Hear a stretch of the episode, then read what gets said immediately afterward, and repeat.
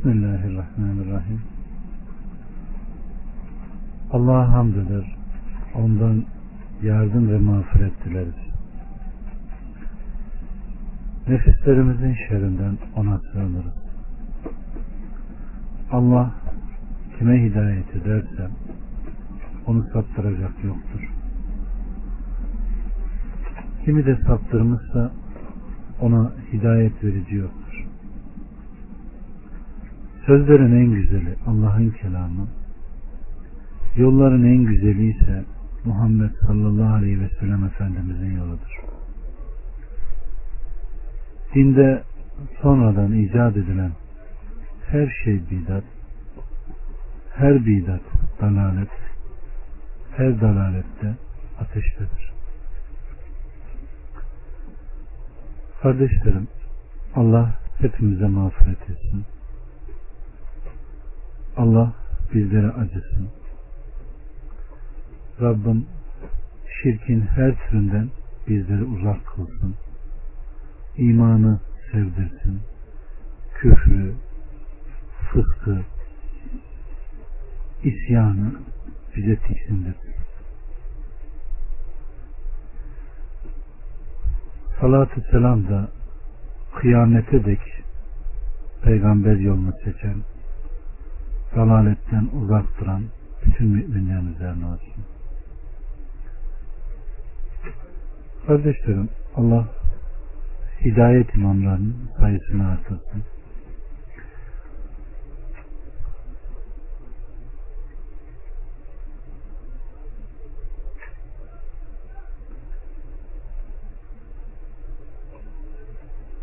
Rabbim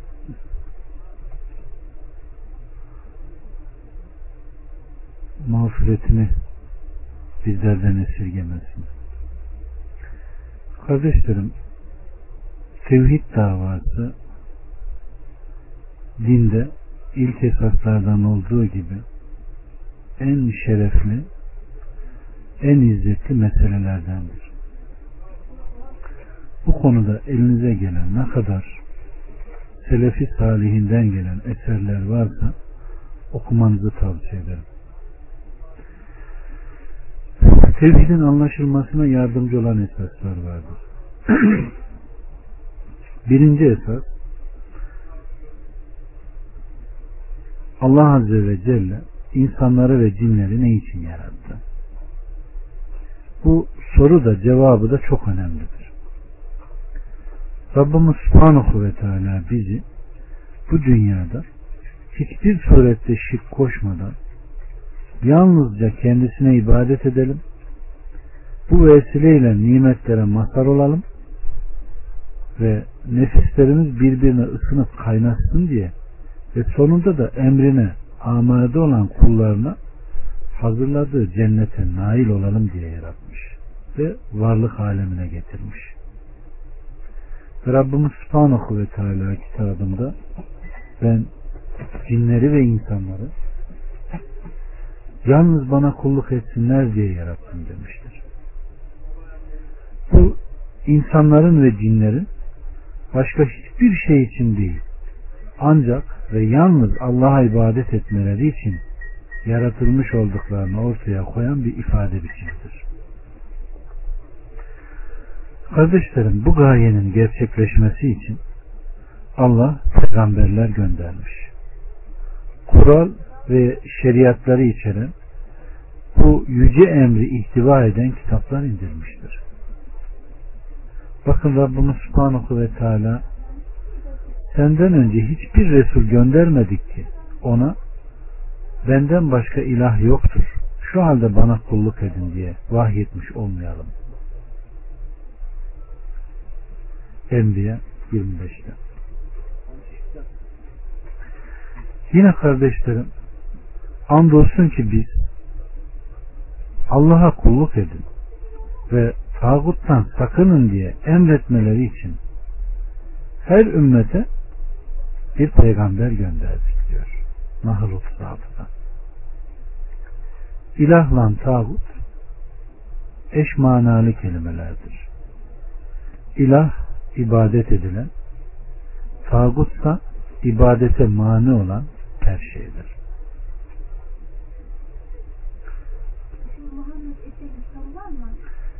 Muhammed Esed'in kitapları bende olmaz. Olmaz.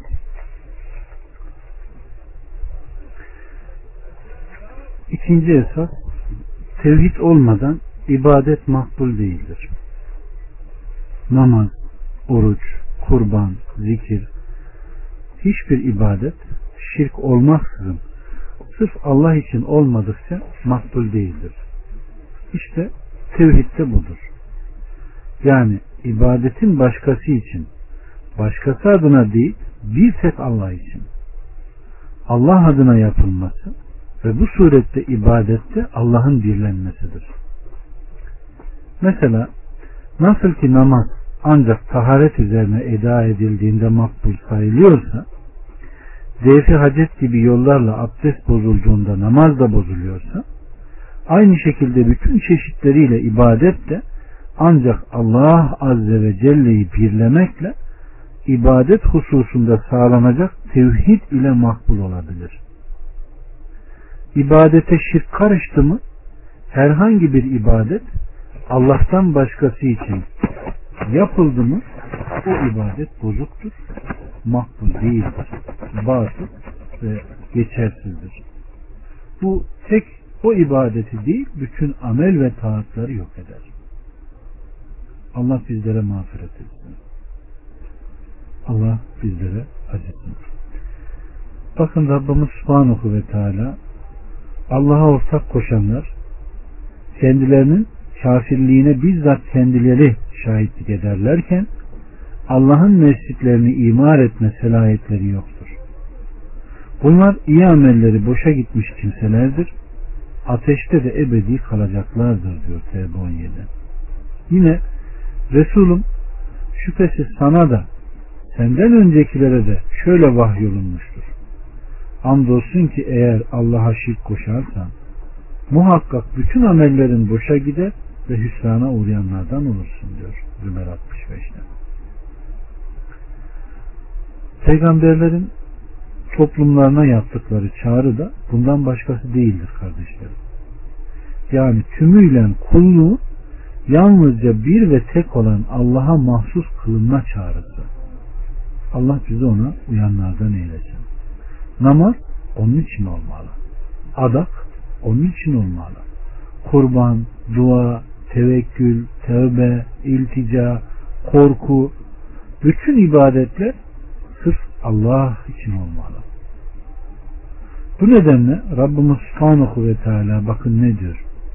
Halbuki onlara yalnız dini yalnız ona has kılarak ve hanifler olarak Allah'a kulluk etmeleri emrolunmuştur diyor Beyyine 5'te. Yine Resulüm şüphesiz ki kitabı sana hak olarak indirdik. O halde sen de dini Allah'a has kılarak ihlas ile kulluk et. Dikkat et. Halis'in yalnız Allah'ındır. Zümer 3'te. Halis olması ise şirk şaibesinden uzak olmasıdır kardeşlerim. Üçüncü esas yalnız Allah için olması gereken ibadet ne anlama gelmektedir? İbadet bildirmiş olduğu emir ve kurallara harfiyen uyarak yapılan itaatlerle kendisine sevgi duymak suretiyle Allah karşısında insanın nefsini kırıp alçalmasıdır. Kısacası ibadet emirlere uyma, yasaklarından kaçınmak suretiyle Allah'a itaat demektir. Allah anlayanlardan eylesin. Dördüncü esas da kardeşlerim, ibadet türlerini bilme ve bunlardan hiçbirisiyle Allah'tan başkasına yönelmeme. Rabbimizin kendisine yakınlaşmamız için getirilmesini istediği her şey ibadettir. Yani kendisine yaklaşmada vesile kılınan her şey ibadettir. Rabbimizin istediği bu şeylerden bazısı iç dünyamızla ilgili inanışlar ve kalbi hallerdir. Bazısı dille ilgili sözlerdir. Bazısı da azalarla yapılan amellerdir kardeşlerim. Rabbimizin yapmamızı istediği şeyleri ya emretmesiyle bilebiliriz ya bu işleri yapanları övmesiyle ya bu tür fiilleri işleyen kimseyi hoşnutlukla anması ya da yapılan bu iş karşılığında sevap ve mükafat vereceğini vaat etmiş olmasıyla biliriz. Mesela bazı misaller verecek olursak meseleyi daha net anlarız inşallah. Kalp amellerine dair misallere bakacak olursak Rabbimiz Zümer 54'te diyor ki Rabbinize dönün. Rabbimizin bu ayet-i kerimede kendisine dönme emri bu eylemin ibadet sayıldığının delilidir. Çünkü Allah tarafından sevilmekte ve yapılması istenmekte. Bir başka yerde Rabbimiz Subhanahu ve Teala fakat diyor daha görmeden Rablarından korkanlara gelince onlar için gerçekten hem bağışlanma hem de büyük bir mükafat vardır diyor Mülk 12'de. Allah'ın kendisinden korkana mağfiret vaadinde bulunması böyle bir korkunun ibadet olduğunu göstermekte kardeşlerim. Çünkü bunu Allah istemekte ve bundan da hoşnut olmakta. Allah hepimize korkan bir kalp nasip etsin. Mesela dil ile ilgili ibadetlere verir, misal verecek olursak Ahzab 41'de Ey inananlar Allah'ı çokça zikredin diyor. Bu ayetteki emir zikrin Allah tarafından sevilip istendiğini ve dolayısıyla da ibadet sayıldığını göstermektedir.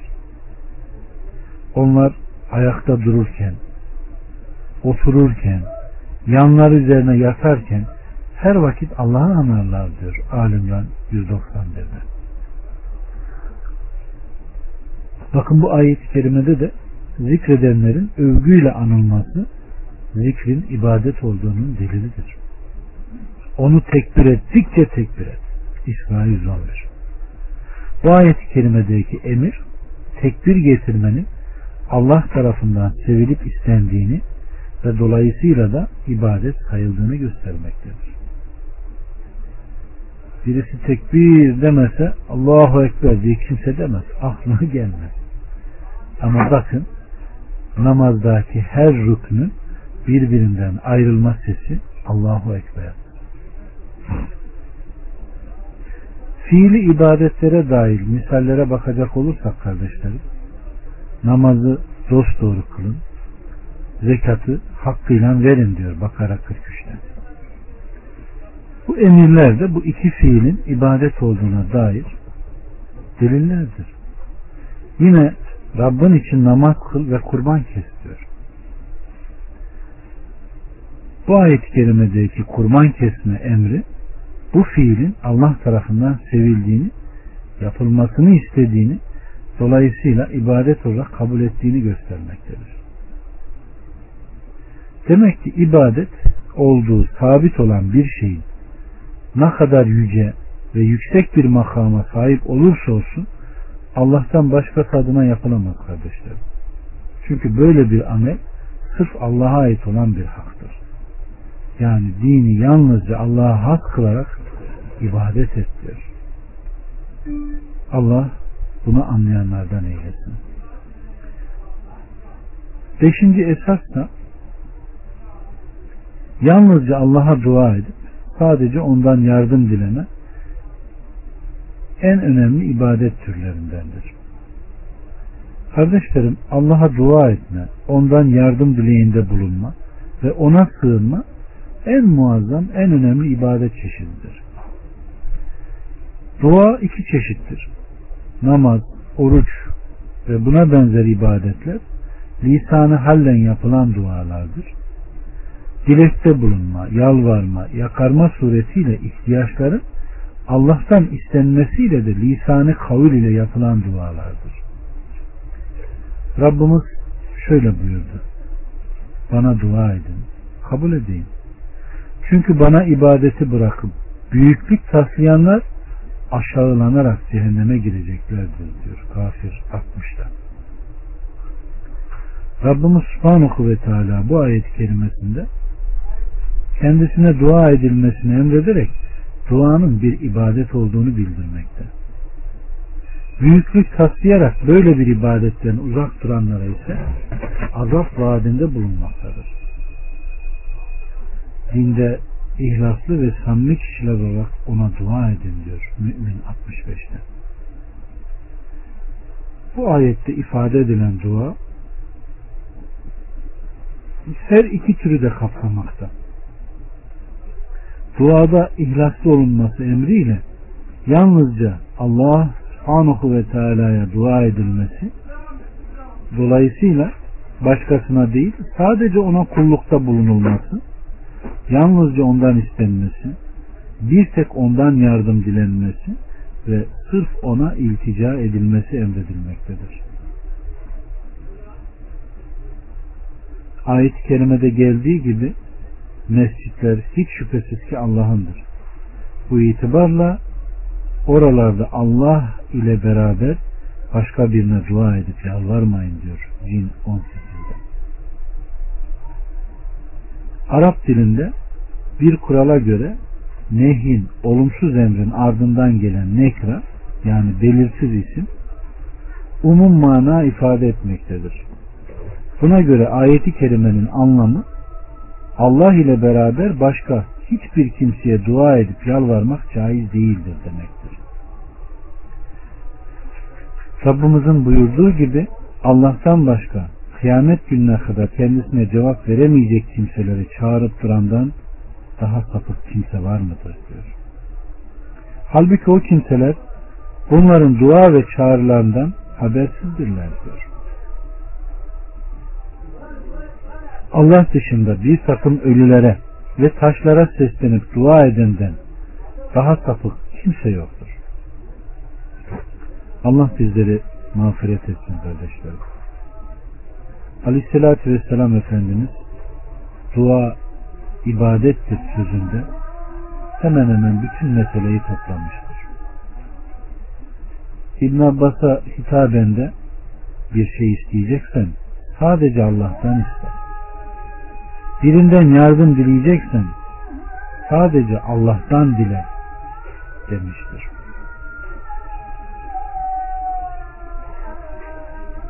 Allah bizleri mağfiret etsin. Kendisinden başka kapıya gitmeyenlerden eylesin. Allah kendisine mağfiret etsin. Ebu Bekir'den gelen bir rivayette haydi kalkın şu münafığa karşı Resulullah'tan yardım dileyen demişler. Bunun üzerine aleyhissalatü vesselam benden değil yardım ancak Allah'tan dilenir buyurmuştur. Aleyhissalatü vesselam hayattayken bile durum böyle olduğuna göre vefatından sonra nasıl ondan yardım istenir kardeşlerim? Dua ve yardım dilenme sadece Allah'ın hakkıdır. Ondan başkasına yöneltilmesi asla caiz değildir. Bu tevhidi bozar. Ondan başkasına dua eden, ondan başkasından yardım dileğinde bulunan ya da ondan başkasının korumasına sığınan kimse Allah'tan başkasına ibadet etmiş olur ki bir tek durum bunun dışında kalmaktadır ki Allah bizleri mağfiret etsin. Rabbim rahmetiyle yargılasın. Her halükarda kendisine sığınan kendisinden isteyenlerden eylesin. Altıncı esas da kardeşlerim yaratılmışa seslenme ve yardımını isteme iki şarta bağlı bulunmaktadır. Hayatta ve hazır olma, güç yetirebilme.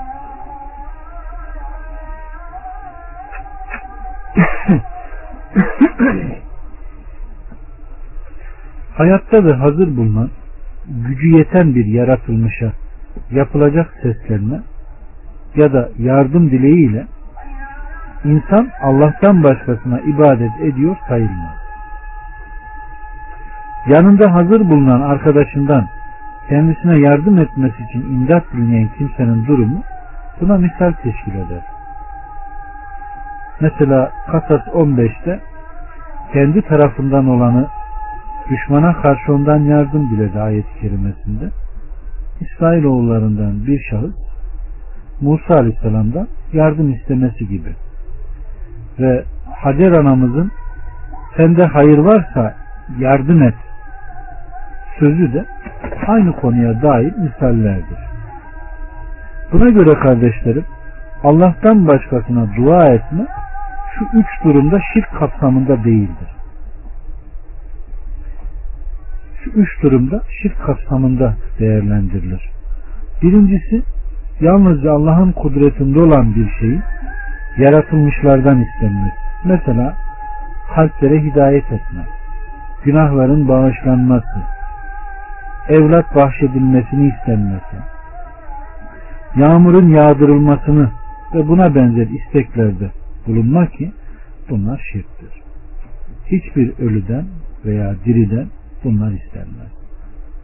Çünkü Rabbimiz Subhanahu ve Teala Allah'ın izni olmadıkça hiçbir musibet isabet etmez. Kim Allah'a inanırsa Allah onun kalbine hidayet eder. Allah her şeyi bilendir diyor. Tegabin 11'de. Yine ve günahları Allah'tan başka kim bağışlayabilir ki diyor Alimran 135'te. Şüphesiz Allah bütün günahları bağışlar diyor Zümer 53'te. Allah size kendi nefislerinizden eşler yarattı. Eşlerinizden de sizin için oğullar ve torunlar yarattı. Ve sizi temiz gıdalarla rızıklandırdı diyor Nahl 72'de.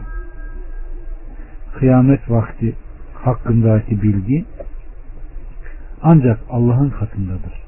Yağmur o yağdırır, rahimlerde olanı o bilir diyor Lokman 34'te.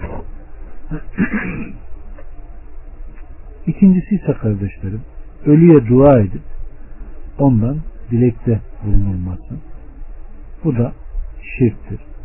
Rabbimiz Subhanahu ve Teala ondan başka çağırıp durduklarınız bir çekirdek lifine bile sahip değiller. Eğer onları çağırsanız çağrışınızı işitmezler. Faraza işitseler bile size karşılık veremezler. Kıyamet günü de sizin ortak koşmanızı reddederler. Bu gerçeği sana her şeyden haber olan Allah gibi hiç kimse haber veremez diyor. Satır 13'te.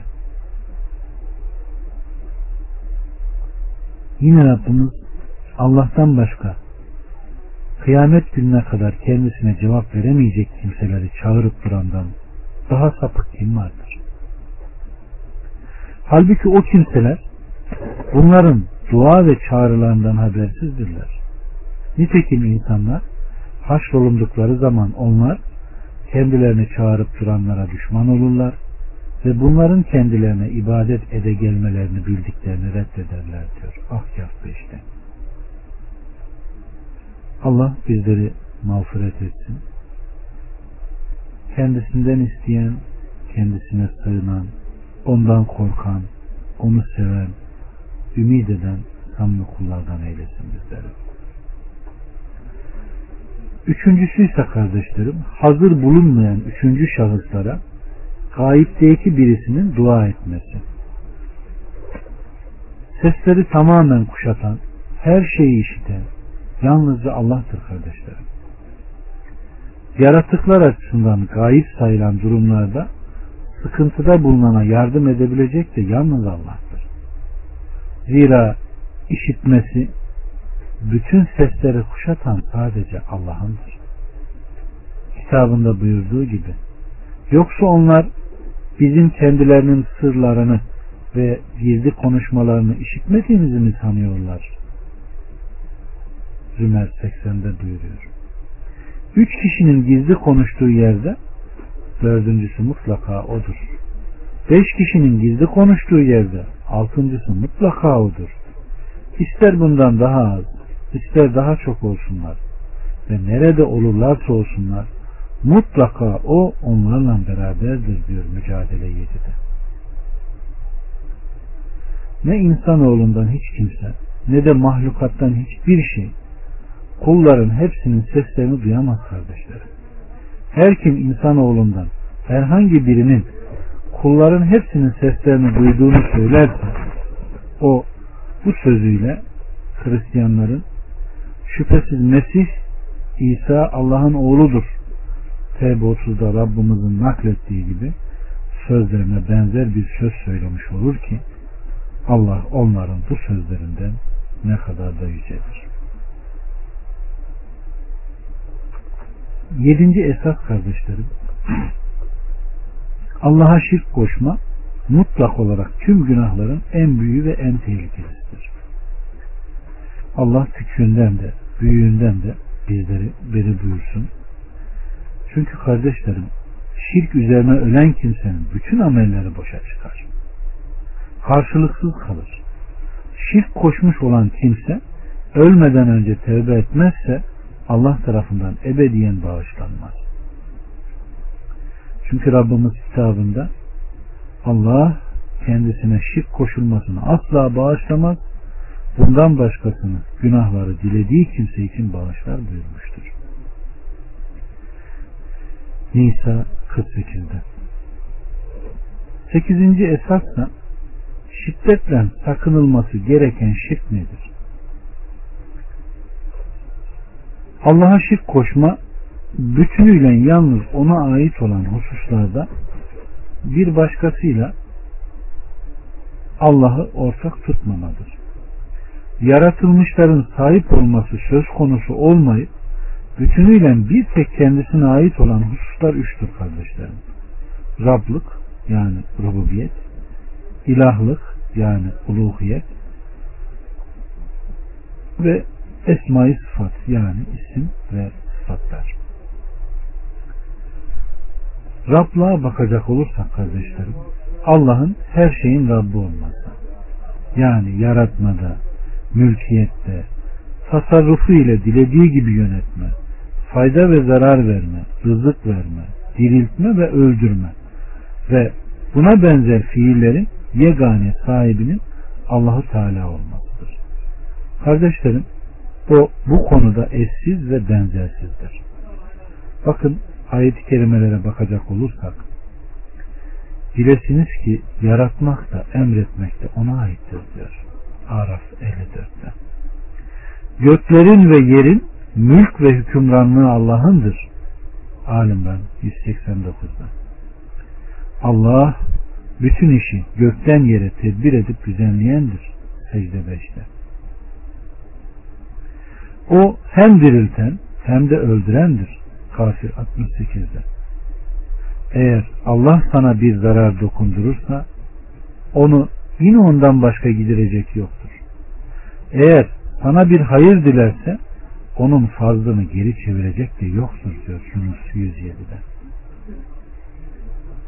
İlahlık, uluhiyete bakacak olursak kardeşlerim, Allah'ın ibadet, kulluk edilecek bir tek ilah olmasıdır.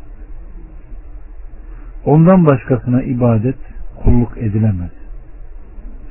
İbadet türlerinden küçücük bir şeyle bile olsa yaratılmışların hiçbirisine ibadet edilemez. Rabbimiz Subhanahu ve Teala'nın buyurduğu gibi kardeşlerim gerçek şudur ki ben Allah'ım benden başka ilah yok. O halde bana ibadet edin. Taha 14'te. Allah'a ait olan isimler ve sıfatlara bakacak olursak kardeşlerim Rabbimiz Subhanahu ve Teala'nın yaratılmışların sıfatlarına benzemeyen yüce sıfatlarla niteli ve yalnızca kendisi için kullanılabilen isimlere sahip olmasıdır. En güzel isimler Allah'ındır. O halde ona o güzel isimlerle dua edin diyor Araf 180'de.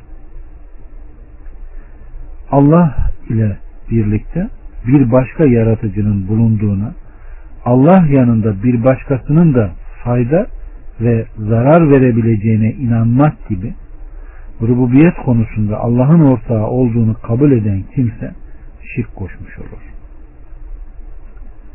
Çünkü bu şekilde inanan kimse yaratma, fayda ve zarar verme gibi sadece Allah'a mahsus olan rububiyetine dair fiiller konusunda Allah'a onun tarafından yaratılan bir yaratılmışı denk kılıyor demektir. Ölülere yönelip dua ederek onlardan yardım dileme, Allah'tan başkası için kurban kesme ya da adakta bulunma, bir başka varlığı Allah'ı sever gibi sevme ya da ondan Allah'tan korkar gibi korkma. Allah'tan başkasına Allah'a gösterdiği tazime benzer bir tazim gösterme gibi bir takım fiiller işleyen kimse Allah'tan başka birine ibadet etmiş, uluhiyet konusunda Allah'a ortak tutup şirk koşmuş olur. Çünkü o ibadette Allahu Teala ile birlikte bir başkasını ona ortak kılmıştır. Allah bizleri mağfiret etsin. Düşünün kardeşlerim. Durup dururken birisi gidip de ölüye yönelip ondan yardım ister mi? Onun yüzü suyu hürmetine Rabbimize yönelir mi? Allah'ı sever gibi durup dururken birisi gidip de Allah'tan gayrısını sever mi? Allah'tan korkar gibi gidip birinden korkar mı? Korkar kardeşlerim. Şeytan ağını örerse, tuzak kurarsa, insan da vahyi esas değil de toplumdan gelene bakarsa bunların hepsi vuku bulur. Hepsi vuku bulur. Düşünün Nuh Aleyhisselam'ın kıssasını düşünün kardeşlerim. 950 sene davet etmiş. Davetine kaç kişi icabet etmiş ve neden etmemiş? Edilen davete kabul veret ve meselenin neticesi nasıl olmuş bir inceleyelim. İblis o kadar güzel ağını örmüş ki o toplumu eğiten, ihya eden, Allah'a yönelten, onlara dinini öğreten o insanların erken yaşta ölmeleri veya genç yaşta ölmeleri diyeyim. Red, Vegus, Nesir gibi Yevuk gibi İblis ne yapıyor? Bunların resimlerini yapın, duvarlara atın. Sonraki nesile her tarafa atın. Ondan sonraki nesile heykellerini yapın. Ondan sonraki nesillere biliyor musunuz? Sizden önceki atalarınız bunları Allah'a aracı kılarlardı. Onların yüzü suyu hürmetini Allah'tan dilerlerdi. Görüyor musunuz? Ta kaçıncı nesilde yapıyor. Ve Nuh Aleyhisselam onlara gelip gelin bunları Allah'a eş koşmayın dediğinde o topluluk ne diyor? Sakın ha sakın ilahlarınızı bırakmayın. Ve Reguz, Nesir, Yevuk. Neden? Bunlara biz ibadet etmiyoruz ki. Bunlar bizi Allah'a daha çok yaklaştırıyor. Yani aklın girdiği, aklın yorumladığı, vahyin gelen doğrultusunda teslim olunmadığı her noktada müşkülatlar var kardeşlerim. İblis ağını öyle bir örüyor ki gelen peygamber yalanlanıyor, kendi yaptıkları hareketler tasdikleniyor.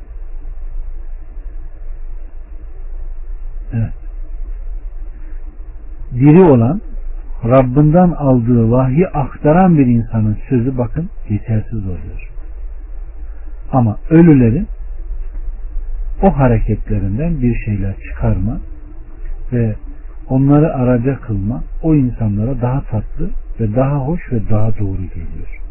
İşte cehalet insana her şeyi yaptırır kardeşlerim. Allah bizleri mağfiret etsin. Herhangi bir yaratılmışın Allah gibi gücü bulunduğuna, bütün sesleri Allah gibi işittiğine ya da Rahman, Kuddüs, Rabbul Alemin gibi isimleri alabilecek başka varlıkların da bulunduğuna inanarak isimleri ve sıfatları konusunda Allahu Teala ile birlikte bir ortağı bulunduğuna kabul eden kimse de şirk koşmuş olur. Kavs, kavs-ı azam gibi kelimelerin kodlanmış, insanları ifsad eden bu kelimelerin ne manaya geldiğini bir araştırın ve bunların nasıl şirk olduğunu görürsünüz kardeşlerim. Çünkü bu suretle isimleri ve sıfatları konusunda Allah ile yaratılmışları denk tutmuş olmaktadır. Rabbim bizleri mağfiret etsin. Kardeşlerim bütün bu hususlarda yani tevhid-i rububiye, tevhid-i uluhiye, isim ve sıfat konularında kul Allah'ı birlemedikçe muvahhid mümin sayılmaz.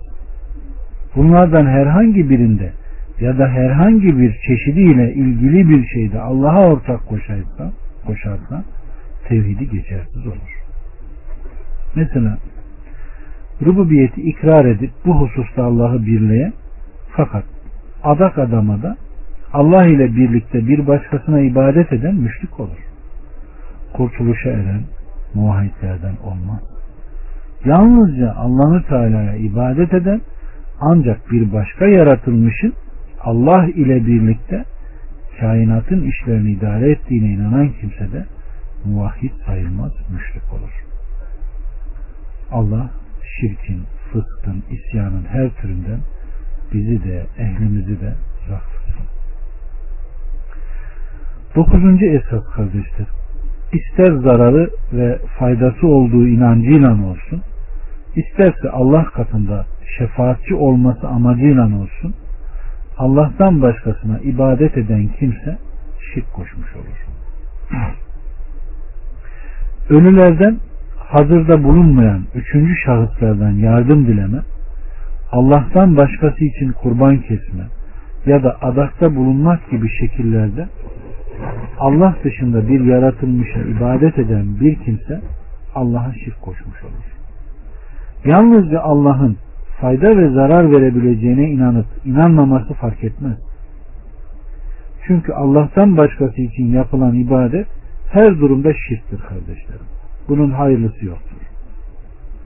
Dolayısıyla mabudun fayda ve zarar verebileceğine inanarak yardım dilemek ve buna benzer şekilde Allah'tan başkasına ibadet edenle faydayı da zararı da ancak Allah'ın verebileceğine inanıp Allah'a yaklaşabilmek için şefaat dileğinde bulunarak bir başka varlığa ibadet eden arasında hiçbir fark yoktur. Her ikisi de hüküm bakımından aynıdır. Yalnız her iki durumda da Rabbimiz Subhanahu ve Teala'ya şirk koşmaktır. Bakın Aleyhisselatü Vesselam'ın kendisiyle savaştığı kafirlerin Mekkeli müşriklerin Allah'ı yaratan, rızıklandıran, dirilten, yaşatan, öldüren, fayda veren, zarar veren, tüm işleri idare eden olarak kabul etmeleri fakat bu inançlarının kendilerini İslam'a sokmaması konusuyla alakalı önemli bir delildir. Bakın Rabbimiz Subhanahu ve Teala ne diyor kardeşlerim? De ki size gökten ve yerden kim rızık veriyor? Ya da kulaklara ve gözlere kim malik? Ölüden diriyi kim çıkarıyor? Diriden ölüyü kim çıkarıyor? İşi kim idare ediyor? Allah diyecekler. De ki öyleyse sakınmıyor musunuz? Bakın yine de ki eğer biliyorsanız yeryüzü ve onda bulunanlar kime ait? Allah'a ait diyecekler. Öyleyse siz hiç düşünüp taşınmaz mısınız der. Yedi kat göklerin Rabbi, büyük arşın Rabbi kimdir diye sor. Bunlar da Allah'tır diyecekler. Şu halde siz Allah'tan korkmaz mısınız? Eğer biliyorsanız söyleyin.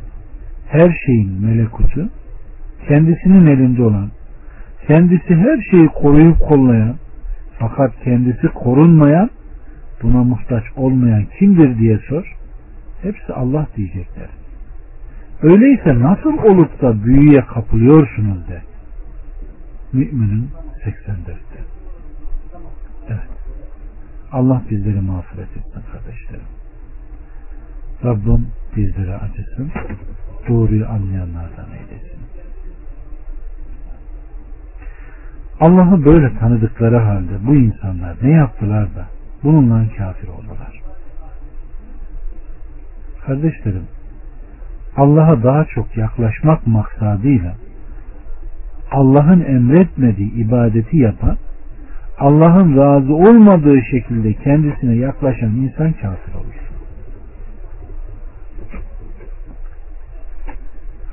Niyetin ne kadar halis olursa olsun, ne kadar amelin çok olursa olsun Allah bu amelden razı olmadığı müddetçe o makbul değildir. Bakın müşrikler telbiye getirirken buyur emret senin ortağın yok.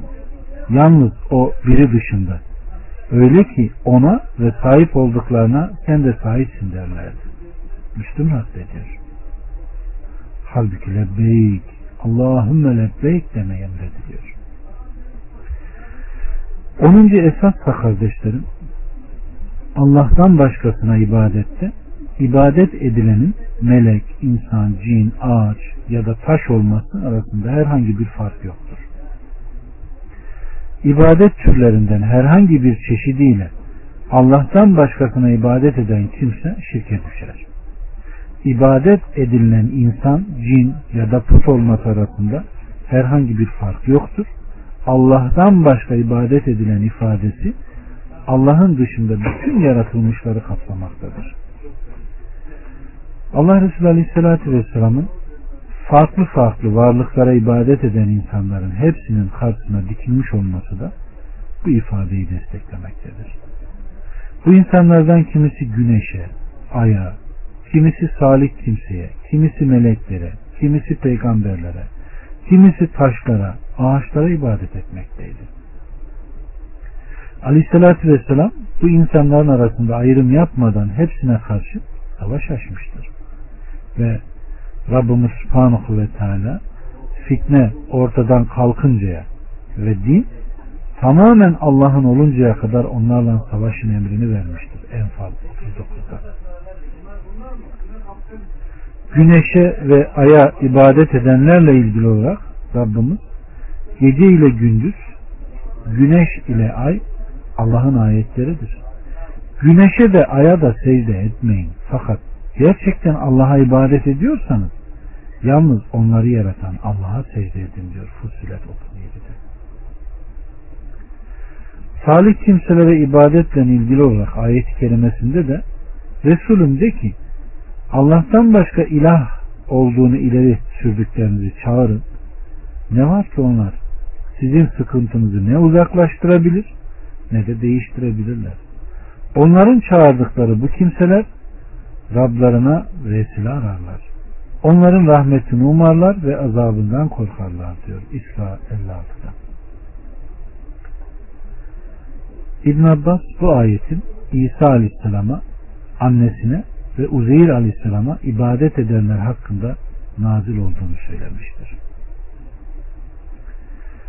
Meleklere ibadet edenler hakkında da ayet-i kerimede Rabbimiz Subhanahu ve Teala o gün Allah onların hepsini toplayacak sonra meleklere size tapanlar bunlar mıydı diyecek.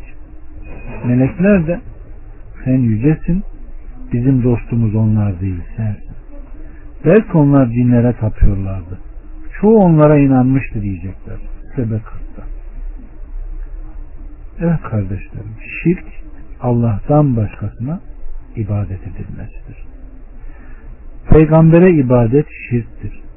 Veli bir kula ibadet şirktir. Putlara, heykellere ibadet şirktir.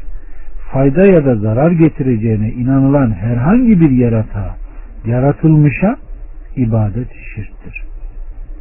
Rabbim şirkin her türünden bizleri korusun. Bilerek veya bilmeyerek şirk koşmaktan bizleri beri buyursun.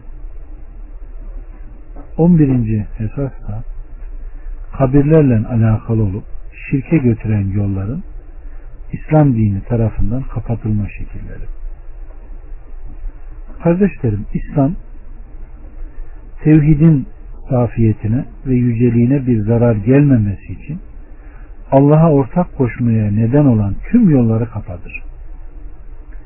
Bunlardan biri de kabirler, kabirlerde yatanlar ve bu konuda gösterilen aşırılıklardır.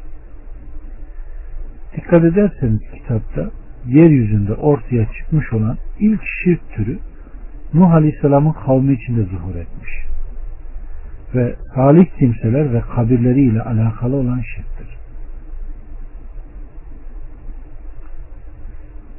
İslam bu tür çirkinliklerin önüne geçilmesi bakımından birçok tedbir almış kardeşlerim. Bakın bunları sıralayalım.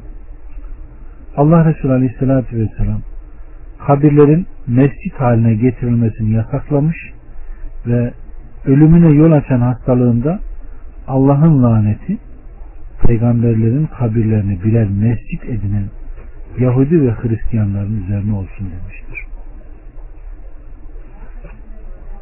Bakın Ayşe annemiz diyor ki eğer mescit edinilme endişesi olmasaydı Allah'ın Resulü Aleyhisselatü Vesselam'ın kabri açıkta bırakılırdı. Ancak kabrinin mescit edinilmesinden endişe etti diyor. Allah bizleri mağfiret etsin. Rabbim bizlere acısın kardeşlerim. Yine Aleyhisselatü Vesselam Allah Yahudileri helak etsin. Onlar peygamberlerin kabirlerini birer mescit edindiler demiştir. Yine Bukhari'de, Müslim'de gelen bir rivayette Ümmü Habibe ve Ümmü Seleme Allah kendilerinden razı olsun. Eşlerimizi de onlarla birlikte haşreylesin.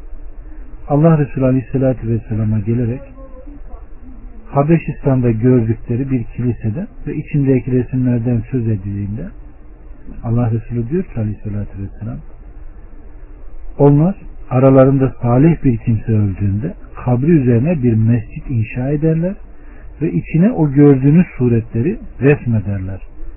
Onlar Allah katında yaratılmışların en şerleridir diyor. Demek ki kardeşlerim kabirlerin mescit edinilmesi iki şekilde olur.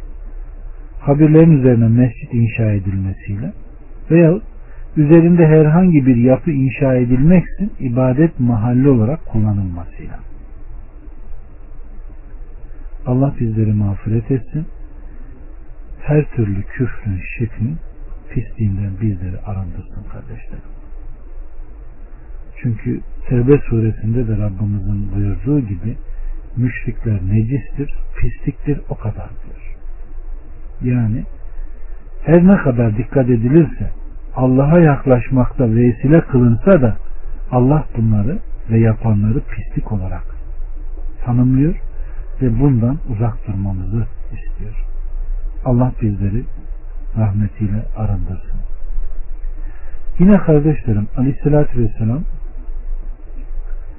Ebu Heyyac el-Esedi'ye bir görevi gönderiyor. Diyor ki yüksek müşrik olan hiçbir kabir ve silinip yok edilmemiş hiçbir resim bırakma demiştir. Ve Ali'ye ya Ali git yerden bir karış yukarıda ne kadar kabir varsa yık ne kadar resim varsa imha et demiştir. Evet. Müslüm'ün 969 nol rivayeti ve Nese'yi nakletmiştir. Yine kardeşlerim Aleyhisselatü Vesselam Efendimiz kabirlerin kireçlenmesini, üzerine yazı yazılmasını, yapı inşa edilmesini ve çiğnenmesini yasaklamıştır. Bugün nasıl? Tam zıttı. Yine kardeşlerim Allah Resulü Aleyhisselatü Vesselam kabirlerin üzerine oturmayın, kabirlere yönelerek namaz kılmayın demiştir. Yine Aleyhisselatü Vesselam'ın kabristanda namaz kılmayı yasakladığı nakledilmiştir. Kardeşlerim bu ve benzeri birçok rivayet üzerlerine yapı inşa etme, orayı dua etme ve namaz kılmak suretiyle mescit edilmek gibi değişik şekillerde vuku bulabilen kabirlere tazimin ortadan kaldırılmasını sağlamada İslam dininin ne derece ısrarlı ve titiz olduğunu gösterir. Bu yasak büyük bir mezarlık hakkında olduğu kadar bir tek mezar içinde geçerlidir. Allah bu yanlardan eylesin kardeşlerim. Bizden istenen iman ve salih amel. İşte bunları yaptığımızda Allah korkumuzu götürüyor ve yeryüzünün hakimiyetini veriyor. 12. esas da kardeşlerim önemli bir kural bu. Sahabe zamanında ibadet olmayan şey bugün de ibadet olamaz. Allah onlara rahmet etsin. Sahabe-i kiram en muazzam imana sahip, hayır yarışında en hızlı ve en önde gelen müminlerdi. Allah'ın Resulü Aleyhisselatü Vesselam kendilerine dinin tamamını eksiksiz olarak tebliğ etmiş, Allah'ın sevip razı olduğu hiçbir hususu kaçırmamıştır. Aksine Allah'ın sevdiği, hoşnut olduğu ibadet namına ne varsa hepsini uygulamış, hayatlarında tatbik etmişlerdir. Kendilerinden sonra yaşayan hiç kimse onları geçemez. Ashab her türlü itaat ve hayırda en önde giden insanlardır. Allah onlara rahmet etsin. İbadet ve taat zannedilen herhangi bir davranış şayet sahabe tarafından yapılmamışsa o sonradan uydurulmuş bir bidattan başka bir şey değildir. Çünkü böyle bir davranış hayır kapsamında olsaydı mutlaka sahabe tarafından uygulanırdı. Ashab-ı kiramdan sonra yaşayanlar için hayırlılık ve hidayet onların yolunu izlemeye bağlıdır kardeşlerim. Aynen Rabbimiz Subhanahu ve Teala'nın dediği gibi İslam dinine girme hususunda öne geçen ilk muhacirler ve ensar ile onlara güzellikle tabi olanlar var ya işte Allah onlardan razı olmuştur. Onlar da Allah'tan razı olmuşlardır. Tövbe yüzde. Ya Rabbi bizleri de onlardan kıl. Allah sonra gelenlerden razı olmak için ashaba güzellikle tabi olmaları şart koşmuştur. Yani ashabın yaşamına muvafık hareket etmeleri, aykırılık göstermemeleri ve sözlerinden çıkmamaları gerekmektedir. Evet. Ashabı adım adım izlemenin gerekli olduğu en önemli husus da kardeşlerim, Allah'a ibadet etme, çeşitli taatlarda ona onlar gibi yakınlaşma. Aleyhissalatü Vesselam'ı yüceltme ve ona saygı gösterme. Çünkü ashab-ı kiram peygambere duydukları sevgi ve saygı bakımından sonraki devirlerde yaşayanlardan daha önde gelir. İnsanlar içinde Aleyhisselatü Vesselam'ın hakkını en iyi tanıyan, ona karşı nasıl davranmaları gerektiğini en iyi bilen kimseler sahabelerdir. Allah onlardan razı olsun. Onlar nefislerinden de üstün tuttu.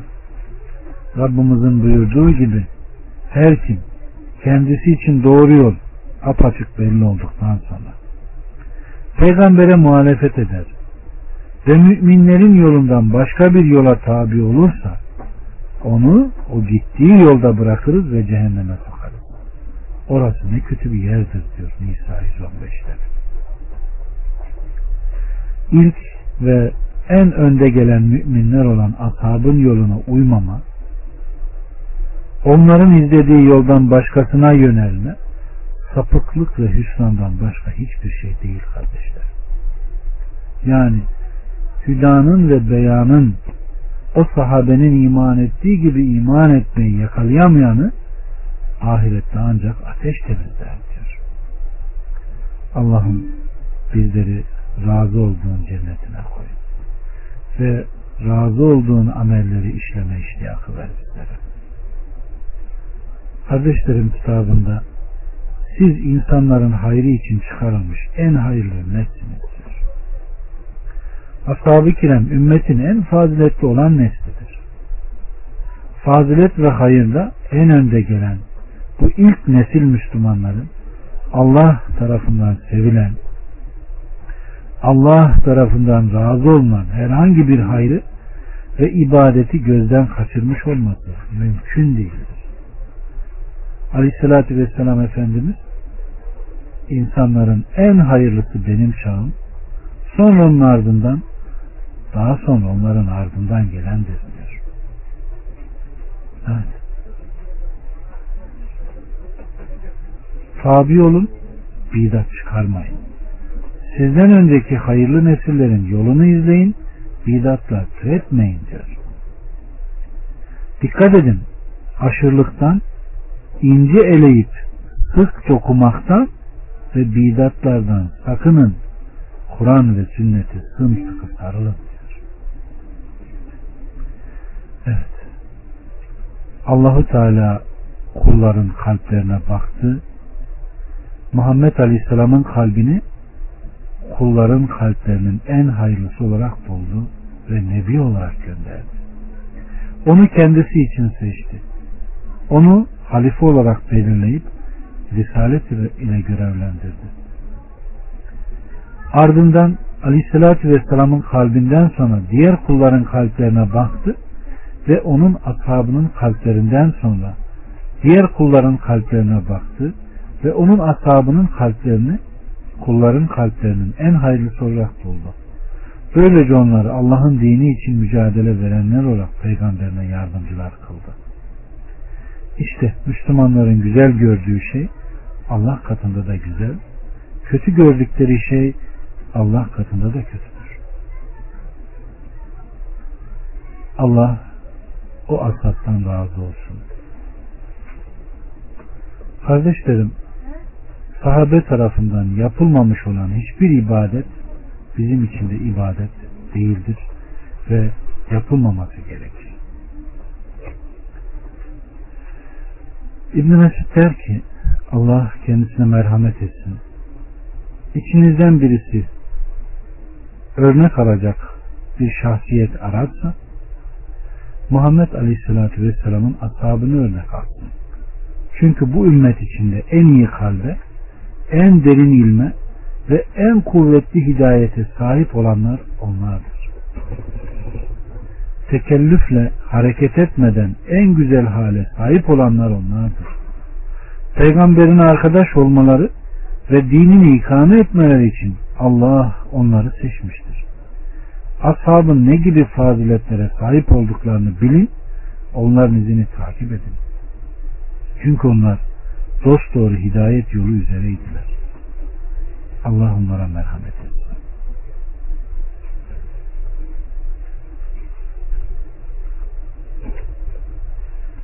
Bakın kardeşlerim, Ebu Davud'un süneninde Ömer bin Abdülaziz'den arkadaşına yazdığı güzelliklerle dolu bir mektup var. Onu sizlere nakledeyim. Allah bu öğütü tutanlardan eylesin. Bakın ne diyor. Rabbına güzel bir hamdtan sonra Allah'a karşı davranışlarında takvalı ve titiz olmanı öğütlerim. Onun emirleri karşısında orta yollu olmanı, Aleyhisselatü Vesselam'ın sünnetine sımsıkı uymanı tavsiye ederim. Aleyhisselatü Vesselam'ın bıraktığı yol azığından el çektikten sonra dinde yenilikler ortaya çıkaranların uydurdukları bidatları terk etmeni öğütlerim. Sünnete sımsıkı sarıl.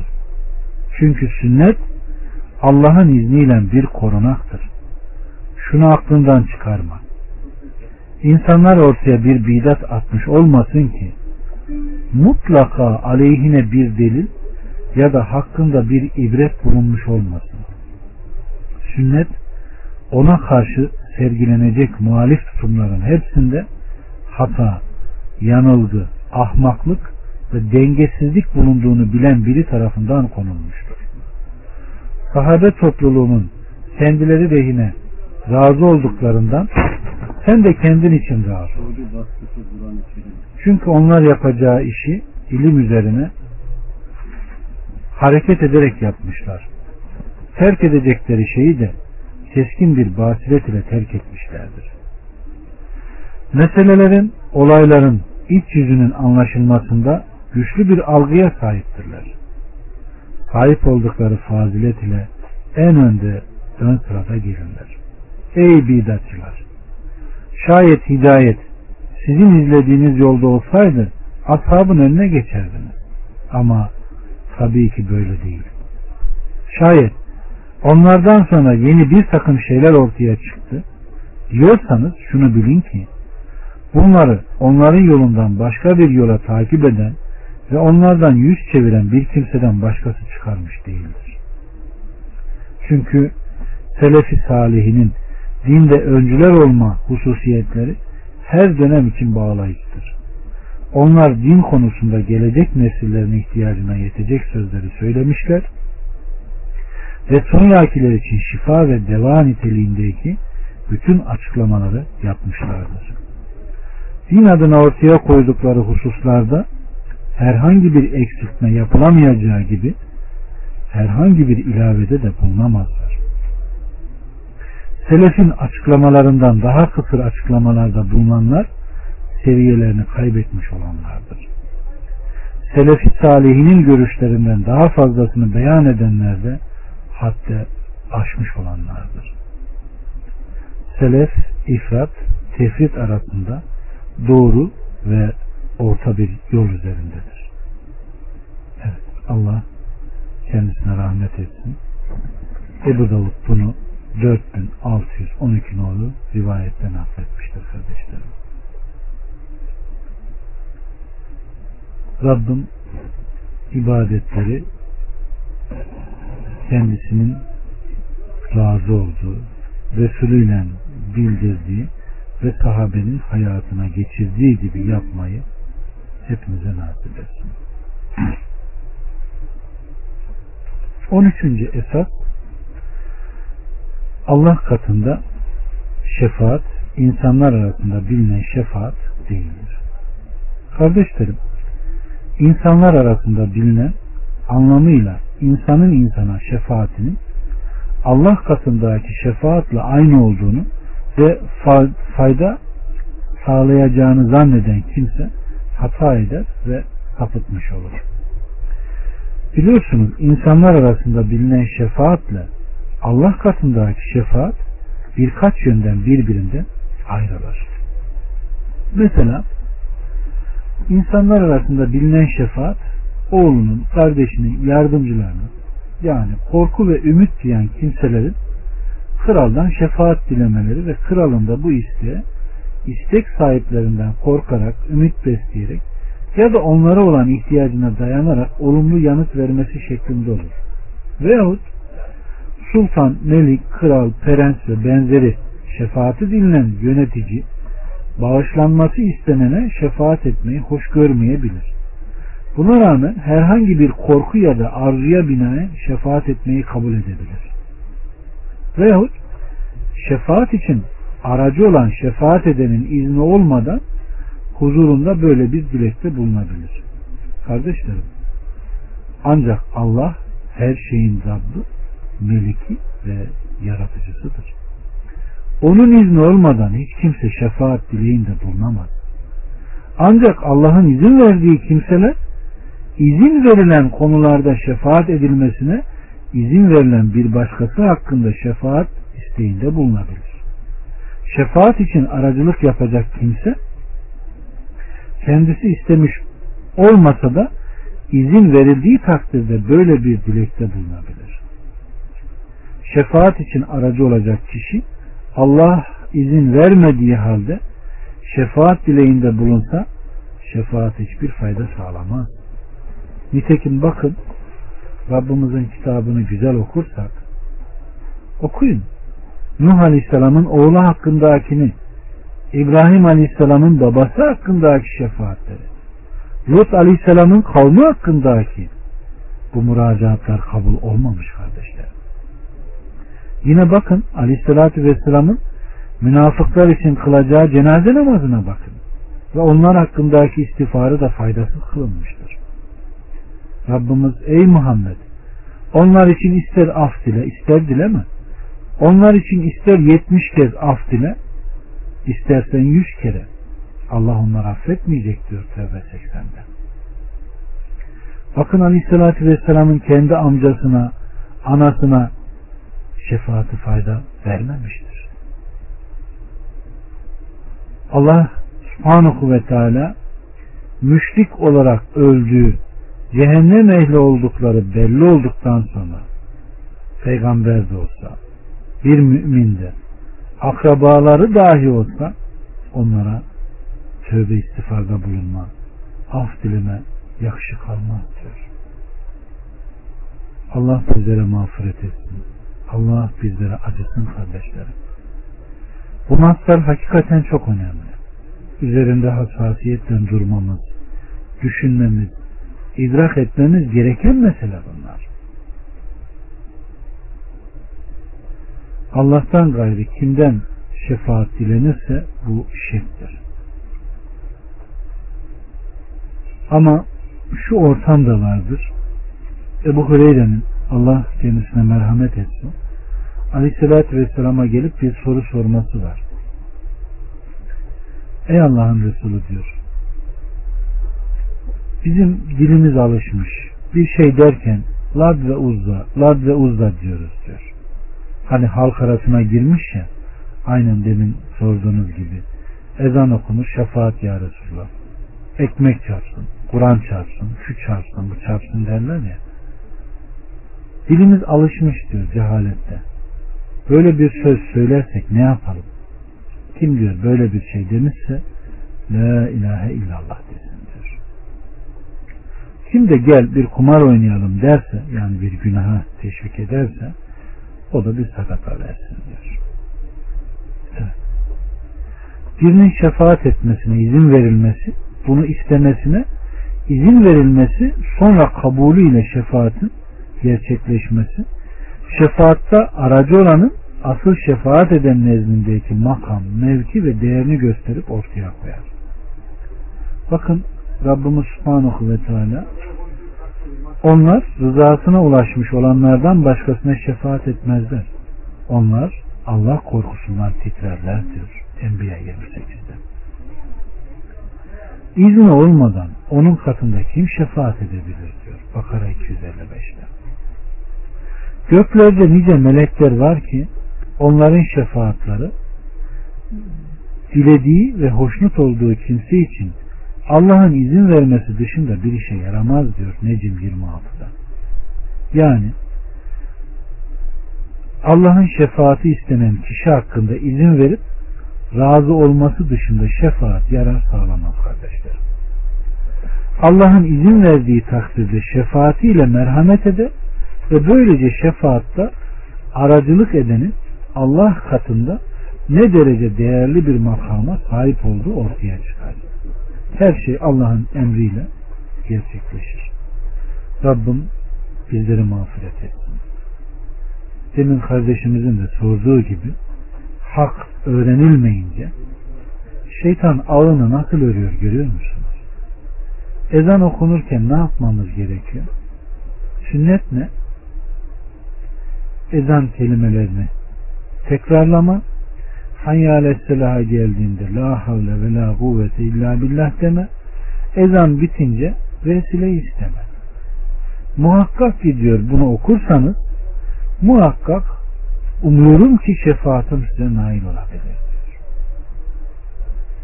ama bunu yapmayan hemen ezan okunurken aziz Allah durur şefaat ya Resulullah desen ki la kardeşim bak böyle denmez.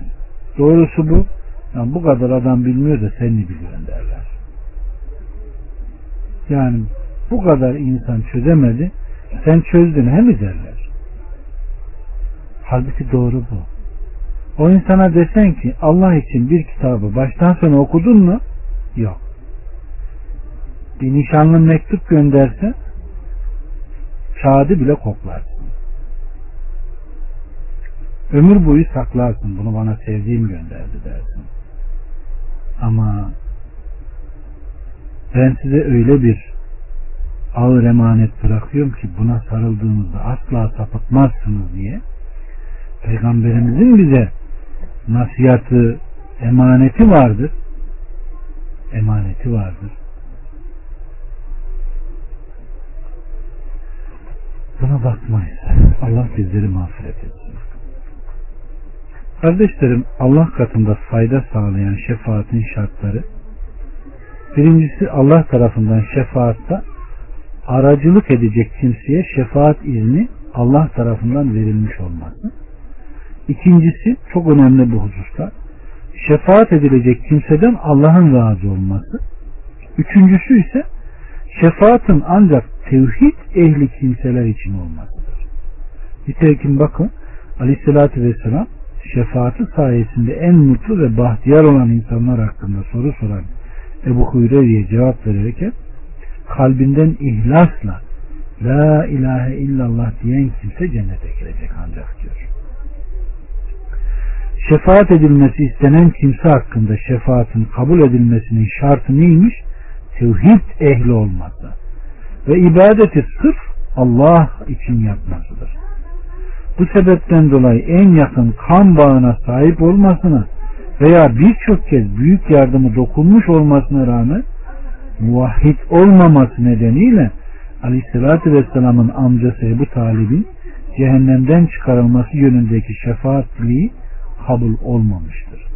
Dolayısıyla şefaat etme hakkı yalnızca Allah'a aittir ve yalnızca ondan dilenir. Rabbim bizleri mağfiret etsin. Allah bizlere acısın kardeşlerim. Bakın örnekleri peygamberlerin anne, baba, oğul, kardeş, akraba hepsinin örnekleri var. Güzel okuyalım, sağduyuyla okuyalım. Muhammed Esed'e gelince akılcıdır. Cinleri kabul etmez. Başörtüsünü örften der. Kabul ezabını hiç kabul etmez. Sadece yolların dönüşüm noktasında Muhammed diye çok güzel bir eseri vardır ki müsteşriklerin hepsi böyledir. Kandırabilmek için güzel bir kitap yazar. Biz de tereyağını ekmeği kurutarak üzerine sürer bir yeriz. Arkasındaki zehiri görmeyiz. Muhammed Esed pis bir müşriktir. Müsteşriktir. Allah'ın dinini ifsad eden, dini katleden insanlardan bir tanesidir. Ne yazık ki onun üç cilde çevrilmiş mealini de yayıyorlar. Tamamen içine bakın bidat ve hurafe doludur. Soran arkadaşımız bunu okusun. Neleri inkar ettiğini mealinde de çok net bir şekilde görür. Kabul ediyorsa tabi orada okuduklarını e, başına birçok bela musibette gelir. Evet. 14. esas ibadet konusunda Allah ile kullar arasında aracı ve şefaatçi edinilmesi Allah'ı yüceltmek değil aksine ona şirk koşmanın ta kendisidir. Teknik işleri Musa'ya sorun o bildirir. Demin bir soru sormuştu da ben şefaat meselesini kesmemek için şey yaptım. Ee, kralın sultanın mülkü genişledikçe halkın krala ulaşma ve ihtiyaçlarını gidermek için araya aracılar ve şefaatçiler koyma gereksinimleri daha da artar. Aslında bu durum kralın eksikliği ve acizliğini yansıtır. Allah ise kardeşlerim en büyük meliktir. Mükemmelliği sebebiyle kulların kendisine ibadet etmeleri konusunda aracıya ihtiyacı yoktur. Kul ellerini açar ve ne isteyecekse doğrudan Rabbinden bizzat kendisi ister. Hiçbir aracı bulunmadan kulluğunu kendisi sergiler. Allah bizi böyle saf, temiz, tevhid ehlinden kılsın. Yaratıcının şefaat konusunda yaratılana kıyas edilmesi el melik, el cebbarın makamına bir hakaret ve küçümsemedir. Çünkü böyle bir kıyas yaratıcıyı yaratılmışa benzetmektir. Kral ve bunun gibi yöneticilerle insanlar arasındaki aracılık hoş olmayan şeylerdir. Rabbim bizleri mağfiret etsin. Kardeşlerim 15. esasla sıkmıyorum değil mi? Tevessül ve istigaze yani yardım isteme ya da sual, istekte bulunma arasındaki fark. Yardım, zafer ve destek isteğinde bulunma anlamına gelen istigaze kelimesi Arap dil kuralları bakımından direkt olarak ya da geçişli olarak ele alınır. Falan kişiden yardım istediğinde bulundum ya da e, ondan talepte bulundum gibi. Nitekim ayet-i kerimede hatırlayın ki siz Rabbinizden yardım istiyordunuz. Enfal 9'da. Yine kendi tarafından olana düşmana karşı ondan yardım diledi. Kasas 15'te. İstigaze kelimesi Arap dilinde bazen geçişli olmasının sebebi bu kelimeye istiane manasının katılmak istenmesidir. Tevessül kesilme kelimesi ise kardeşlerim kendisinden değil kendisi aracılığıyla istekte bulunan kimse anlamını taşır. Yani falan kişi vesilesiyle istedim değil falan kişiden istedim anlamına gelir. Bu nedenle insanın ölülerden, hazır bulunmayandan, üçüncü şahıslardan ya da ancak Allah'ın gücü yeten konularda Allah'tan başkasından istigazede bulunması caiz değildir. 16. esas da şer'i vesilelerin meşruluğu ancak onu emreden şer'i bir delilin var olması ile bilinir. Yani buna usulde bir vacibin tamamlanabilmesi için kendisini tamamlayanın da vacip olması gerekir esası gelir. Kardeşlerim vesile istenip arzu edilene götüren vasıta demektir. Vesileler kevni vesileler ve şer'i vesileler olarak iki kısma ayrılır. Kevni vesileler kevni yani kainatta oluş ve işleyişe dair yeme, içme vesaire gibi yaşamı idame ile ilgili türlü kevni isteklerin sayesinde karşılanacağı araçlardır ki kevni vesilelerin meşrulukları da iki yoldan bilinir. Birincisi söz konusu olan vesilenin istenene ulaşmanın yolu olduğunu akıl, bilgi, deney ve tecrübeye dayanarak duyular yoluyla ispat edilmesi. İkincisi de kardeşlerim, dinde onu yasaklayan şer'i bir delilin bulunmamasıdır. Ancak bu iki şartın her ikisinin de aynı anda bir arada bulunması ile onun meşru bir kevni vesile olduğu anlaşılabilir. Şer'i vesilelerin meşruluğu ise yalnız tek bir yolla bilinip anlaşılır. Bu da hakkında onu emreden şer'i bir nasın var olmasıdır. Şer'i vesilelerin meşruluğunu ispatta kevni vesilelerinin aksine akıl, deney, tecrübe ve duyuların yeri yoktur. Bunu anladık değil mi? Yani din, vahiy analiz edilen, örneklendirilen, laboratuvara sokulup e, işte şu kadar iyot var, şu kadar azotu var, şu kadar şey diye değil. İşittik, itaat ettik denilen bir makamdır. Allah bizi böyle edenlerden, böyle olanlardan kılsın. Benim aklıma uymuyor, bu Kur'an'a uymuyor, ben bunu anlamam. Rabbim burada ne demek istedi ki, Resul burada ne anlatmak istedik diye soranlardan değil, olduğu gibi kabul edenlerden eylesin. Buna göre çoklarının yapa geldiği gibi kardeşlerim, Allah'ın sevdiği meşru, şer'i bir tevessül olan kendimize ait iman ve salih amelimiz ile tevessülü bırakıp peygamberlerin ve Allah'ın sevdiği diğer salih kulları zatları ile Allah Azze ve Celle'ye tevessülde bulunmak meşru değildir. Bunu anladık değil mi? İnsanların içinde Allah'ın razı olduğu kimdir? Peygamberlerdir. Sonra kitaplarıdır. Sonra salihlerdir. Her ne kadar Rabbimiz bunları seviyor, Allah bunlardan razı oldu. Biz de bunları aracı kılalım, onların yüzü suyu hürmetine Rabbimizden bir şey dileyelim dese, her ne kadar akıl bunu doğru kabul etse de Allah bunu kabul ediyor mu? Ediyor mu? Etseydi Nuh Aleyhisselam'ı o kavme gönderip de bunları yapmayın demezdi.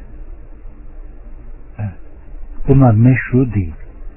Salih bir zatın yüzü suyu hürmetine makamı ve hatırı ile tevessülde bulunan kimsenin bu tevessülünü meşru kılacak şer'i bir delinin bulunmaması böyle bir amelin şeran batıl ve geçersiz olduğunu göstermekte.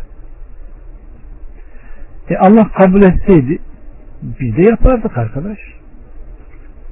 Ama kabul etmiyor.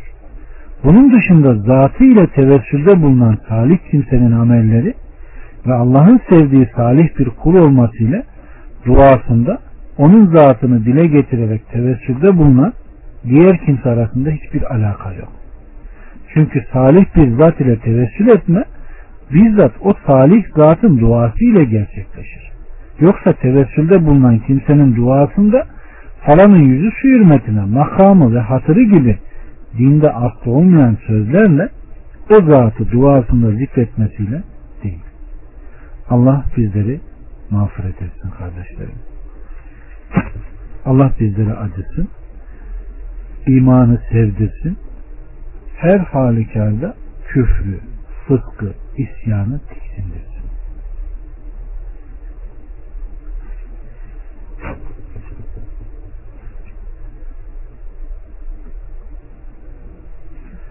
Kardeşlerim, yine esaslardan birisi meşru teberrük ancak mübarek olduğu nasla sabit olmuş şeylerle ve şer'i yollarla olur. Bunun dışındaki şeylerle ve şer'i olmayan yollarla teberrük asla caiz değildir. Bakın Rabbimiz Subhanahu ve Teala yaratanların en güzel olanı Allah pek yüce ve mübarektir diyor. Müminin 14'te. Bereket Allah'ın sıfatı ve fiilidir kardeşlerim. Allah'ın kimi ve neyi dilerse mübarek kılması bu sadece onun hakkıdır. Allah tarafından mübarek kılınmış olan şey mübarektir. Bereket hayrın çokluğu ve devamlılığı demektir kardeşlerim. Allah Azze ve Celle ve ala kulların faydalandığı ve bol bol hayır sağlayan bir takım şeyleri mübarek kılmıştır. Ramazan ayı mübarektir. Zilhicce ayının ilk on günü mübarektir. Mekke-i Mükerreme mübarektir. Suyu eksilmez, eti bitmez. Medine-i Münevvere mübarektir. Hiçbir salgın hastalık oraya giremez. Salih ameller mübarektir. Anaya babaya iyilik yapma. Allah'ın yaratılmamış kelamı Kur'an'ı okuma. Bütün bu ameller mübarektir kardeşlerim. Peygamberler, salih kimseler, bal, çörek otu, davar bunlar hep mübarektir. Belki birçok sohbette anlattığım gibi yine vereyim o misali. Edebil Müfret'te gelen ve Ahmet'in müsnetinde gelen bir ifade var. Allah Resulü Aleyhisselatü Vesselam bir seferde bir yere konuyor. Bir çoban da Peygamber Aleyhisselam'ı görüyor, tanıyor ve süt ikram ediyor.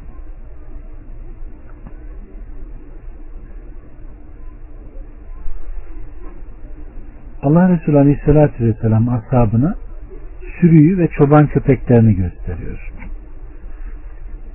Gözümüzün önünde olan birçok şeyi hiç yakalamıyoruz değil mi? Şu diyor koyunlar mı çok yavrular, köpekler mi diyor. Sahabe köpekler diyor. Bir yıl içinde iki kere hangisi konular, yavrular? Sahabe köpekler diyor.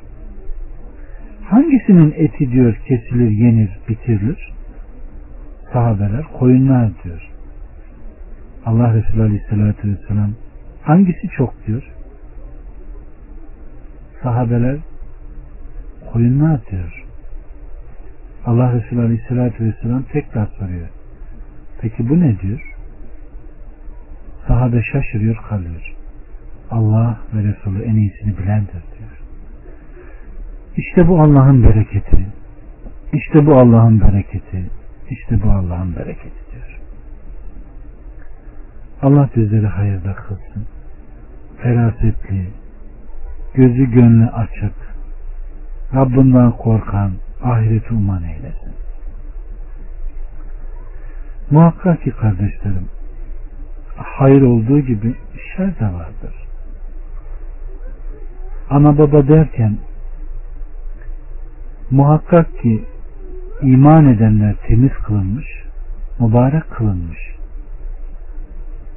İman etmeyip nefsini kirletenler gönlü kara ilan edildiği gibi kitabında pislik olarak nitelendirilmiş. Pislikten de ancak pis kokular gelir. Düşünün o kadar hayvan vardır. Ama Allah arıdan Kur'an'da güzelce zikreder, misal verir. Onun için verilen misalleri de güzel yakalamak gerekir. Düşünün arı hiçbir zaman pise konmaz, hiçbir pislikte gezmez ve her şeyin en güzelini en temizine konar ve çiçeğin de özünü alır. Çıkardığı da nedir? Hiç kimseye iğrenç gelmez ve hoşa gider. Aleyhissalatü vesselam da bal her derde şifadır der. Temiz olandan temiz çıkar ve o temizde mübarektir. Pisse kötü kokular gelir ondan gelen de mübarek olmaz. Bilmiyorum cevabınızı algılasın. Kardeşlerim konuya ilişkin kuralın iki tane unsuru vardır.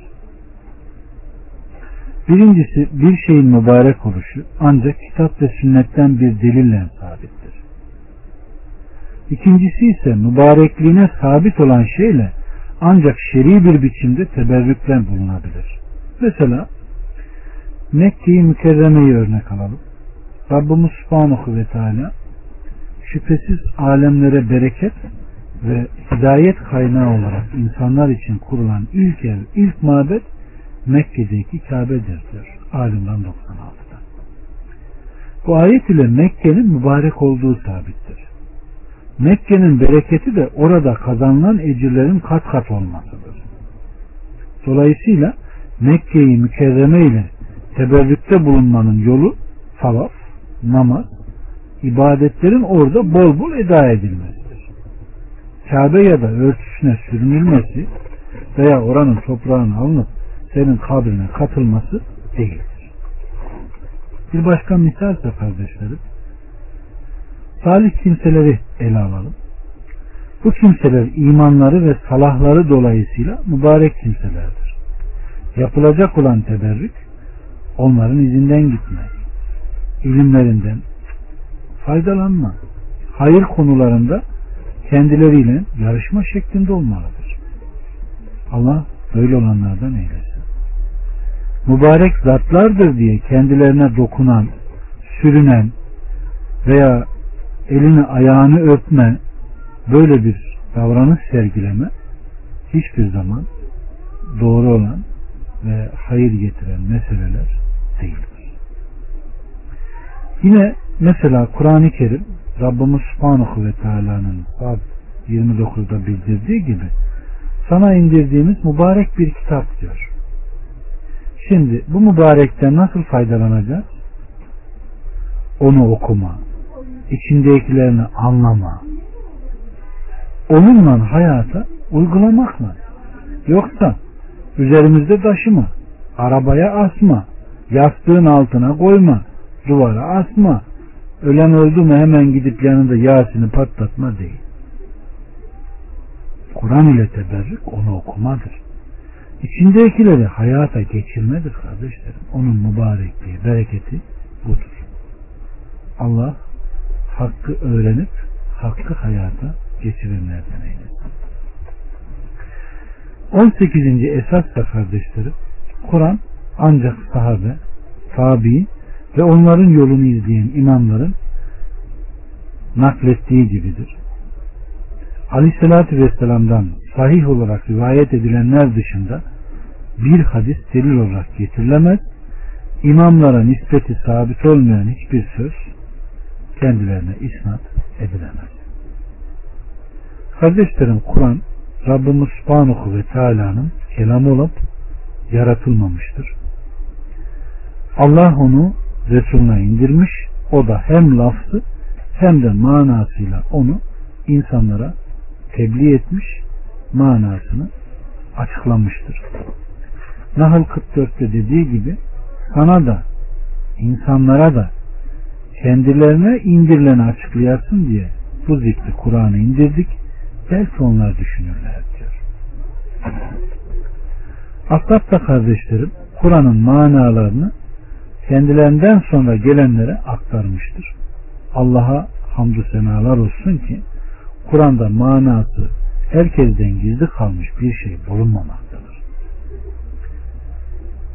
Allah onlardan razı olsun. Sünnet Kur'an'ın tefsiridir ve hüda beyan olduktan sonra derken hüdayı yani Kur'an'ı beyan etme hakkı Resul'e verilmiştir. Aynen Kıyamet suresinde geldiği gibi dilini debreştirme, onu kalbine nakşedecek yani inen vahiy, daha sonra da onun beyanını öğretecek biziz diyor. Allah bu akideyi anlayanlardan eylesin. Kardeşlerim 19. esas kim olursa olsun hiç kimsenin görüşü kitap ve sünnetin önüne geçemez. Çünkü Rabbimiz Subhanahu ve Teala kitabında eğer bir hususta anlaşmazlığa düşerseniz Allah'a ve ahiret gününe iman ediyorsanız Allah'a ve Resulüne götürün. Bu hem hayırlı hem de netice bakımından daha güzeldir diyor. Demek ki kardeşlerim kitap ya da sünnete aykırı her görüş konumu, makamı ne olursa olsun sahibine geri döner yani mertuttur, kabul olmaz. Çünkü aleyhissalatü vesselam kim bizim şu işimizde, dinimizde ondan olmayan bir şey ihdas ederse o derhal reddedilir diyor. Burayı anladık değil mi? Nasıl anladık? Falan gecede yüz rekat namaz kılan cennete gider. Var mı böyle bir hadis? Yok. Öyleyse sen yüz rekat yapmış olduğun ibadet batıldır. Akşamla yatsı arasında iki rekatta selam vererek oturarak kılınan namaz habirde nurdur diyor. Var mı peygamberden böyle bir şey? Yok. Havan alır. Yani emredilmeyen, dinde bildirilmeyen bir şey sonradan ihdas edilip yapılsa da bunlar dinde makbul olmayanlardır. İslam'da gece yok mu? Var. Kadir gecesini aramak imandan mı? Evet. Ama Kadir gecesi var diye filan gece, şu gece, bu gece diye ihdas edip Allah'ın emretmediği, razı olmadığı bir şeylerle iştigal etme o ibadetlerin mertut olmasına vesiledir. Allah bizleri mağfiret etsin. Bakın ümmetin öncüleri olarak bilinen alimlerin bazı sözlerini nakledelim. Allah kendisine rahmet etsin. İmam Ebu Hanife hadis sahih olduğu takdirde o benim mezhebimdir demiş. Yine bir sözünde nereden aldığımızı bilmedikçe hiç kimsenin bizim görüşümüzü alması helal olmaz demiştir. Allah kendisine rahmet etsin. İmam Malik ise ben bir insanım. Sözümde isabet ederim, hata ederim. Siz benim görüşlerime bakın. Kitap ve sünnete uyanı alın, kitap ve sünnete uygun olmayanı ise derhal bırakın demiştir. Yine bir sözünde Allah Resulü Aleyhisselatü Vesselam'dan başka herkesin sözü alınır da terk edilir de demiştir. Onun damadı İmam-ı Şafi'ye baktığımızda Allah ona da rahmet etsin. Müslümanlar bir kimseye Aleyhisselatü Vesselam'ın herhangi bir sünneti açıkça belli olduktan sonra onu hiçbir kimsenin sözünden dolayı bırakmasının helal olmadığı hususunda icma etmişlerdir buyurmuştur. Benim kitabımda Aleyhisselatü Vesselam'ın sünnetine aykırı bir şey bulursanız hemen Aleyhisselatü Vesselam'ın sünnetinin gereğini söyleyin benim, benim dediğimi bırakın demiştir. Onun güzide talebelerinden Ahmet ise Evzai, Mali'yi, Ebu Hanife'yi hepsini bırakın onların aldığı kaynaktan alın. Yani Aleyhisselatü Vesselam'dan alın demiştir. Allah bu sözleri tutanlardan eylesin kardeşlerim. 20. esas da deliyle aykırı olan her görüşün inkar edilmesi gerekmektedir. Bir grup cehaletleri sebebiyle ihtilafa konu olan meselelerle iştihata konu olan meseleleri birbirine karıştırmış ve her iki tür meselenin de anlam ve içeriğinin aynı olduğunu zannetmiş. Buna bağlı olarak ihtilafa konu olan meselelerde inkar söz konusu değildir demişler. Bu söz doğru değildir. Çünkü ihtilafa konu olan meseleler iştihata konu olan meselelerden daha kapsamlıdır. İhtilafa konu olan meselelerin bir bölümü ihtilaf kaldırılabilir meselelerdir ve bunlar aynı zamanda iştihata konu olan meselelerdir. İşte alimlerin iştihata konu olan meselelerde inkar söz konusu değildir sözüyle kastettikleri kısım budur.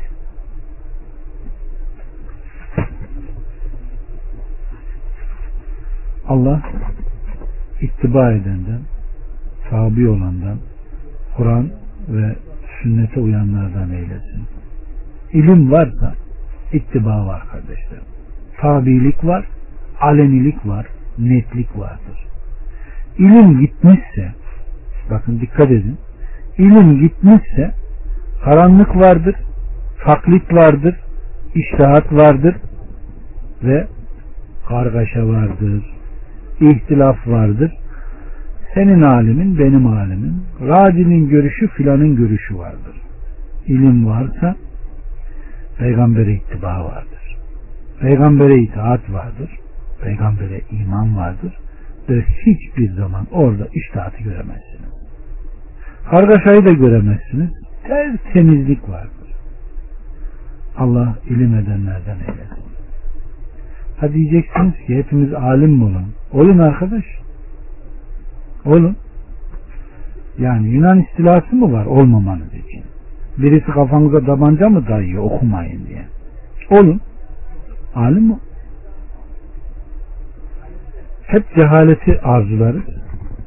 Alim olmak isteriz. Karnımız acıktığında nasıl yiyorsak, canımız bir şey istediğinde gidip içiyorsak, cenneti de arzuluyorsak onun da bir bedeli var. Allah subhanahu ve teala kitabını okuyan, kendisinden korkan, ona sığınan, ondan dileyen, ona yönelenlerden eylesin kardeşlerim. Rahmetini, bereketini üzerimizden eksiltmesin.